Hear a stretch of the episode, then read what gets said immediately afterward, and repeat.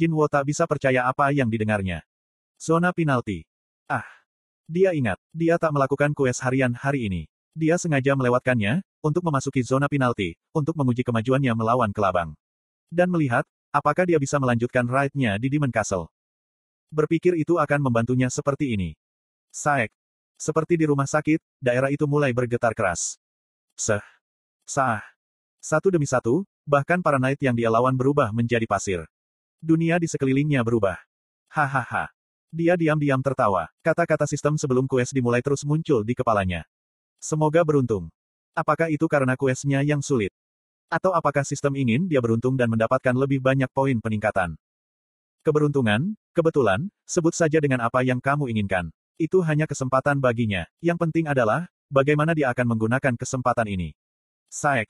Getaran menjadi lebih kuat. Alih-alih berjuang untuk menjaga keseimbangannya seperti di masa lalu, Jinwo menyerah pada gempa dan menutup matanya. Tenang. Dan begitu saja, dia menenangkan diri dan semua suara menghilang. Ketika dia membuka matanya, itu di tengah padang pasir yang sudah dikenalnya. Jinwo jatuh ke atas pasir. Gasep, gasep, pan, pan. Dia meraih pasir dengan tangannya dan melepaskan semburan terengah-engah. Paru-parunya dipenuhi dengan udara segar yang menyegarkan, menyebarkan perasaan itu ke seluruh tubuhnya.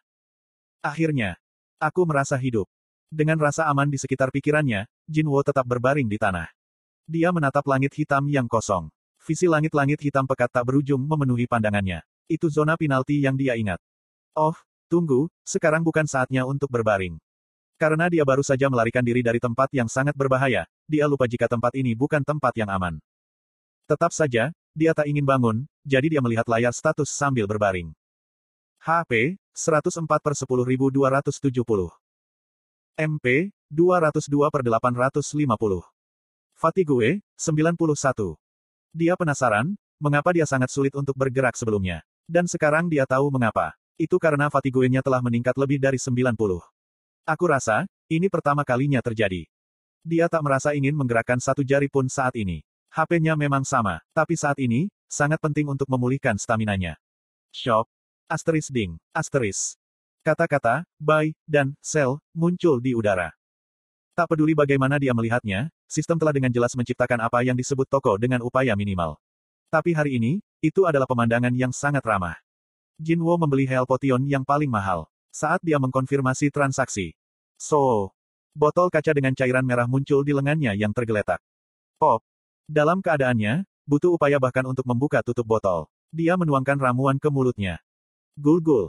Cairan merah melewati tenggorokannya. Staminamu pulih. Staminamu pulih. Staminamu pulih. Karena itu adalah Hell Potion tingkat tertinggi, hanya satu botol sudah cukup untuk sepenuhnya menghilangkan kelelahannya. Anehnya, HP-nya tak pulih. HP, 106 per 10.270. MP, 204 per 850. Fatigue, 0. Bahkan, ketika botol itu dikosongkan, HP-nya masih sama. Itu sangat berbeda dengan Fatigue yang sekarang sudah menjadi nol. Mengapa? Saat tetes ramuan terakhir jatuh ke mulutnya, dia bisa mengetahui alasannya. Asteris ding, asteris. HP-mu di bawah 10%. Anda tidak dapat memulihkan kesehatan dengan potion. Alasannya sederhana, itu karena HP-nya terlalu rendah. Sekarang, jika aku memikirkannya. Bahkan sihir penyembuhan memiliki batasnya. Ini bukan fenomena yang tak asing. Sama seperti healer yang tak bisa menyembuhkan seseorang melewati titik tertentu, tergantung pada skill mereka. Tampaknya potion memiliki batas yang sama. Dan kamu memberitahuku, jika batasnya adalah 10% sisa HP. Ini bagus untuk diketahui. Seandainya dia menaruh kepercayaan pada ramuan pada waktu yang salah, dia bisa membuat kesalahan besar. Inilah sebabnya, mengapa pengalaman itu penting. Bukankah ada pepatah yang seperti itu? Apa yang tak membunuhmu, itu akan membuatmu kuat. Itu semua karena kekuatan pengalaman. Bahkan sekarang, dia bersyukur memiliki pengalaman bertemu dengan zona penalti. Ini tentang waktu. Dan memang begitu. Dia merasakan makhluk hidup muncul dari bawah pasir. Jinwo mengangkat kakinya dari tanah. Tubuhnya terasa seringan bulu. Berkat ramuan itu, kekuatannya telah sepenuhnya kembali. Jinwo melompat dan mendarat lalu berbalik. Sah. Seperti yang diharapkan, tempat dia berbaring sedang tenggelam ke tanah. Heh, aku ingat jika aku pernah hampir jatuh ke dalam itu di masa lalu. Sekarang, dia bisa menatap lubang itu dengan sikap riang. Bagian bawahnya bergolak seperti di masa lalu, dan... Sah. Kolom pasir meledak dari tanah, dan mengungkapkan monster berbentuk kelabang raksasa. Skrieh. Itu semua seperti yang ia ingat. Ya ampun, mereka tampak jauh lebih menakutkan saat itu. Sekarang, mereka tampak bergerak dengan gerakan lambat di mata Jinwo. Dia mengangkat pandangannya dan mengkonfirmasi huruf merah di atas kepala kelabang. Poison Fanged Giant Sen tipe D. Nama merah. Sama seperti Cerberus dari Demon Castle. Pesan quest muncul. Asteris ding. Asteris. Quest penalti, bertahan hidup. Tujuan, bertahan hingga waktu yang ditentukan. Waktu yang dibutuhkan, 4 jam. Waktu yang tersisa, 4 jam 0 min 0 DTK. Setelah membaca pesan itu, Jinwo mengepalkan tangannya. Aku bisa mengulur waktu dengan ini. Karena dia tak menggunakan instant return stone dari Dungeon, dia mungkin masih memiliki kesempatan. Aku mungkin akan dipindahkan kembali setelah quest penalti. Dan jika 4 jam yang dihabiskannya di sini ditambahkan ke timer Dungeon. Poin peningkatan yang akan ia dapatkan akan sangat besar. Ya, dia masih tak tahu, bagaimana perhitungan itu bekerja. Tapi, ketika dia memikirkan bagaimana sistem bekerja sampai sekarang, ini mungkin menjadi jackpot yang luar biasa. Empat jam sialan. Dia tak bisa bertahan 10 menit di sana, dan hampir menggunakan instant return stone. Sekarang, berkat zona penalti, dia bisa menambahkan 4 jam ke timer itu. Ada satu masalah yang tersisa. Dia harus bertahan hidup di dunia ini, dengan HP yang tersisa hanya 100. Karena dia tak bisa pulih menggunakan potion, dia harus naik level melalui kelabang, tanpa menerima kerusakan. Di satu sisi, ini adalah kondisi tambahan dari quest penalti. Mari kita lakukan. Jinwo memanggil Kasakas Poisonet Fang. Waktu yang tersisa, 3 jam 59 min 59 DTK. Saat quest penalti dimulai, Jinwo mulai bergerak. Karena pengalamannya, dia tahu untuk cepat bergerak, sebelum kelabang menyerangnya. Dia menutup jarak dalam sekejap dan melompat. Len, dia mencapai titik tengah pada tubuh serangga, lalu mulai bekerja menuju kepala sambil menebas tubuhnya. Stab, stab, stab, slash. Di mana pun dagger menyerang, kulit keras kelabang retak dan mengeluarkan cairan. Skrieh. Setiap kali Jinwo membuat luka baru di tubuhnya, kelabang meronta-ronta kesakitan. Sprint. Kaki Jinwo dipercepat. Step, step, step, step. Dia dengan cepat mencapai bagian atas kepala monster itu dan meraih dagger dengan kedua tangan. Vital Stab. Dia menggunakan seal dan membawa dagger ke kepala kelabang. Dagger itu menggali jauh ke dalam kepala. Crack. Vital Stab, telah naik level. Yes. Sudah lama. Skill, Vital Stab, tampaknya memiliki kemampuan serang yang lebih baik. Kelabang menggelengkan kepalanya kesakitan. Screech, scree. Jinwo tak berhenti di situ. Dia bergerak dari kepalanya menuju punggung kelabang. Punggung monster itu benar-benar terbuka. Stab. Setelah menusuk satu titik di belakang kepala kelabang, Jinwo memegang dagger di tempatnya dan melompat ke bawah. Krak krak krak krak kreak. Dikombinasikan dengan strength di atas 120 dan lompatan dari ketinggian bangunan lima lantai, dagger itu meluncur sepenuhnya di belakang punggung kelabang, memotongnya terbuka lebar. Krak krak krak. Len. Jinwo mendarat dengan selamat. Skri ya, skri. Kelabang memuntahkan cairan di semua tempat kemudian akhirnya jatuh. Boom. Tubuhnya mengangkat awan pasir. Asteris ding, asteris. Anda telah mengalahkan Poison Fanged Giant Sen tipe D. Jinwo menepuk pasir dari tubuhnya dan memeriksa waktu. Waktu yang tersisa, 3 jam 59 min 42 DTK. Itu butuh 17 detik. Butuh waktu kurang dari 20 detik untuk menjatuhkan kelabang. Itu benar-benar berbeda, dari waktu dia mengalahkan Cerberus. Kekuatannya telah mencapai dimensi yang berbeda. Nah, jika aku memikirkan semua leveling yang aku lakukan dan item yang aku peroleh.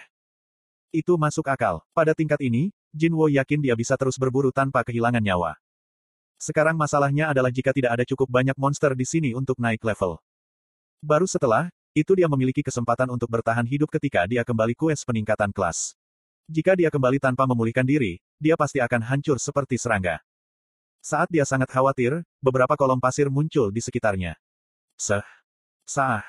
Kelabang telah tiba setelah mencium darah kawan mereka. Skrieh. Screech. Wajah Jinwo cerah. Ada berapa banyak? Melihat kepala kelabang yang muncul dari tanah, Jinwo tidak bisa menyembunyikan senyum di wajahnya. Anda naik level. Anda naik level. Anda naik level. Anda naik level. Setelah hampir empat jam, Jinwo telah empat kali naik level setelah mengalahkan kelabang yang tak terhitung jumlahnya. Dia telah mencapai level 51. Quest penalti hampir berakhir. Quest penalti, bertahan hidup. Tujuan, bertahan untuk waktu yang diperlukan. Waktu yang dibutuhkan, 4 jam. Waktu yang tersisa, 0 jam 3 min 19 DTK. Sudah waktunya dia kembali. Jinwo melihat sekeliling mayat-mayat kelabang, yang berserakan di area itu. Berkat pengorbanan mereka, dia dapat memulihkan diri. Sayang sekali mereka tak menjatuhkan item atau gold. Yah, itu tak masuk akal untuk tempat hukuman untuk menghadiahinya sebanyak itu. Sekarang, saatnya bersiap untuk kepulangannya. Shop. Saat ini, 3.115.629 gold. Di atas berbagai kantung uang dari monster humanoid, dia telah mendapatkan 1.500.000 gold. Setelah mengalahkan Ikrit, dia punya banyak uang sekarang. Dengan mengingat hal itu, dia mencari-cari senjata baru di shop. Peningkatan yang cocok menarik perhatiannya. Night Killing. Rarity, B. Jenis, Dagger. Attack Power plus 75. Night Killing, plus 25% damage pada armor. Ini adalah dagger yang kokoh dan tajam yang dirancang untuk memotong armor seorang knight. Karena bila bergeriginya, dia tak akan mudah tergelincir pada baju besi. Itu adalah senjata yang dimaksudkan untuk membunuh armor. Biayanya adalah 2.800.000 gold. Dia harus menghabiskan sebagian besar emasnya, tapi ini bukan saatnya untuk menjadi pelit. Lagian aku tak bisa membawa emasku bersamaku ke akhirat. Tanpa ragu, Jin Wo membeli senjata itu. Selain itu, dia juga membeli beberapa wrappings. Anda telah membeli Night Killing. Anda telah membeli Wrappings. Seperti yang dijelaskan oleh deskripsinya, itu adalah dagger yang tampak menakutkan dengan bilah bergerigi. Dia mengambil senjata dengan tangan kanannya dan menggunakan pembungkus untuk mengikatnya dengan erat di tangannya. Slash, slash slash. Dia mengayunkan pedang itu, dan itu terasa familiar di tangannya, seolah-olah itu adalah bagian dari tubuhnya. Paling tidak, aku tak akan menjatuhkannya jika seperti ini. Dia sebentar mempertimbangkan membungkus kasakas Poisonet Fang ke tangan kirinya, tapi memutuskan untuk tak melakukannya. Terlalu merepotkan untuk kehilangan kedua tangannya. Dia akan menjaga penggunaan tangan kirinya untuk berjaga-jaga. Dia menempatkan bungkus sisa ke dalam inventaris, kemudian memperhatikan runestone yang dia dapatkan dari Ikrit. Ah benar, ada ini. Runestone, Ruler's Hand. Hancurkan runestone untuk menyerap skill. Dia membutuhkan apa pun saat ini, mau itu item atau seal. Jinwo menghancurkan runestone tanpa penyesalan. Anda telah mempelajari Ruler's Hand level 1. Ruler's Hand level 1. Skill aktif. Konsumsi mana 0. Anda bisa menggerakkan objek tanpa menyentuhnya secara fisik. Ah. Membaca penjelasannya, dia ingat sebuah adegan dari sebelumnya. Saat itu Ikrit mengulurkan tangan ke pedangnya, dan membawanya ke tangannya dari kejauhan. Jadi dia menggunakan skill ini untuk melakukannya. Skill untuk mengerahkan objek dari kejauhan hanya dengan pikirannya. Selain itu, tak perlu mana. Jika aku benar-benar bisa memindahkan apa pun, itu adalah skill yang luar biasa. Jinwo dengan cepat mencobanya pada mayat kelabang di sebelahnya. Kemampuanmu tidak cukup untuk memindahkan objek. Kemampuanmu tidak cukup untuk memindahkan objek. Tampaknya memindahkan sesuatu yang berat membutuhkan lebih banyak latihan. Bagaimana dengan yang ini? Jinwo menjatuhkan kasakas Poisonet Fang ke tanah, lalu mengulurkan tangan ke arahnya. Dagger itu dengan mudah bergerak ke tangannya. Grab. Oh. Jinwo menatap dagger dengan takjub. Baiklah, ini cukup membantu. Dan dengan itu, dia telah menyelesaikan semua persiapan. Jinwo mengangkat kepalanya dan melihat bahwa waktunya hampir berakhir. Waktu yang tersisa, 0 jam 0 min 4 DTK. Ketika 4 detik berkurang menjadi 3 detik, sistem mengirim pesan padanya. Asteris ding, asteris. Quest penalti akan segera berakhir. Dan satu lagi mengikuti. Asteris ding, asteris. Karena Anda telah diburu di zona penalti. Kesulitan penalti quest berikutnya akan disesuaikan. Penyesuaian kesulitan. Itu akan membuat lebih sulit untuk berburu, sehingga hukuman akan terasa seperti penalti sebenarnya. Nah, apakah akan ada waktu berikutnya? Jinwo menelan ludah. Sekarang, kues peningkatan kelas akan dilanjutkan. Ratusan monster mungkin akan menunggunya kembali di ruang bos. Mungkin lebih banyak. Meskipun dia menganggapnya sebagai, kembali, itu lebih seperti dia, dilempar, ke sana. HP, mana, fatigue, equipment, dan skill. Selain itu, Bahkan pikirannya telah membaik dalam empat jam terakhir. Tapi tetap saja, dia masih merasa gugup. Badum-badum-badum. Detak jantungnya hampir menyakitkan. Jinwo menutup matanya untuk menenangkan dirinya sendiri. Kemudian, suara mekanik itu berdering. Asteris ding, asteris. Quest penalti akan berakhir sekarang. Ini adalah kesempatan terakhirku. Ketika Jinwo membuka matanya, dia melihat banyak knight mulai berbalik ke arahnya. Mereka bukan targetnya. Mata Jinwo bergeser dari sisi ke sisi, mencari targetnya. Pertama, para mage.